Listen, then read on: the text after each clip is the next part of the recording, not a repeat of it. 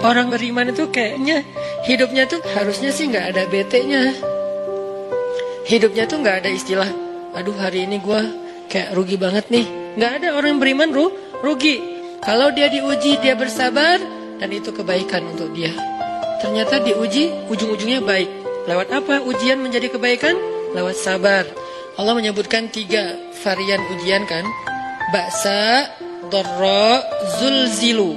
Ujian fisik, ujian harta, harta ini termasuk karir, kerjaan, usaha, bisnis, dan ujian zulzilu, ujian perasaan, termasuk diputusin, atau orang yang dekat sama kita jadian sama yang lain.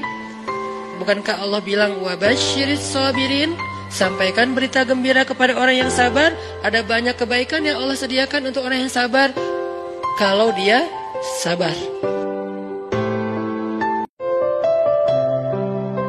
Ketika kita merasa disakitin, ketika kita merasa kayak dikecewain, panggillah Allah.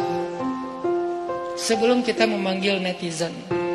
Kan kita suka manggil netizen dulu ya.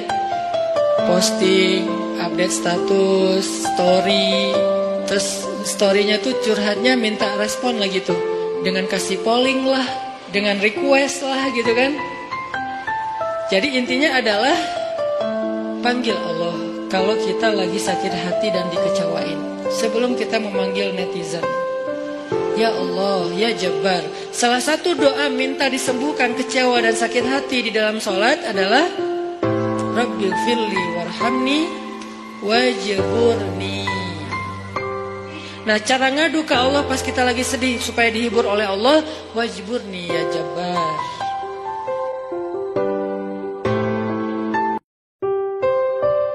Jadi Allah subhanahu wa ta'ala kalau ingin memberikan kebaikan buat hambanya Maka yang pertama Allah bimbing itu adalah hatinya. Sehingga kalau kita ngecengin seseorang Yang kita targetin tuh jangan orangnya. Karena kalau kita deketin orangnya Tapi jauh dari pemilik hatinya Kita nggak akan dapat apa-apa. Makanya saya sering nanya Lebih mending mana nih dekat sama orangnya atau lebih dekat sama pemilik hatinya?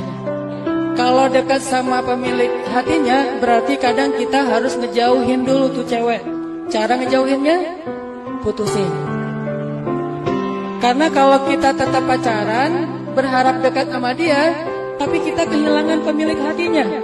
Kalau pengen dapat ridho dari pemilik hatinya, kadang kita harus ngejauhin orangnya. Kalau kita pengen bahagia dalam hidup, tips sederhana pertama itu adalah hidup kita ini Allah yang ngurus. Maka udah percaya aja sama Allah. Apa pun yang Allah suruh, lakukan saja. Gak mungkin perintah Allah itu membuat kita rugi. Apa pun yang Allah larang, tinggalkan saja. Gak mungkin yang Allah larang itu menguntungkan kita. Gak mungkin.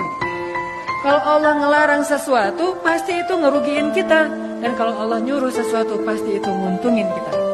Percaya aja sama Allah. Nanti Allah arahin ke mana aja hidup kita, terserah Allah mau mengarahkan ke mana. Aduin aja dulu, ya Allah saya ada masalah kayak gini, udah tenang. Begitu kita udah ngadu ke Allah, tenang aja. Tinggal kita tunggu bagaimana cara Allah menyelesaikan masalah kita. Dan caranya selalu bikin kita takjub. Cara yang kadang-kadang kita nggak pernah menduga-duga.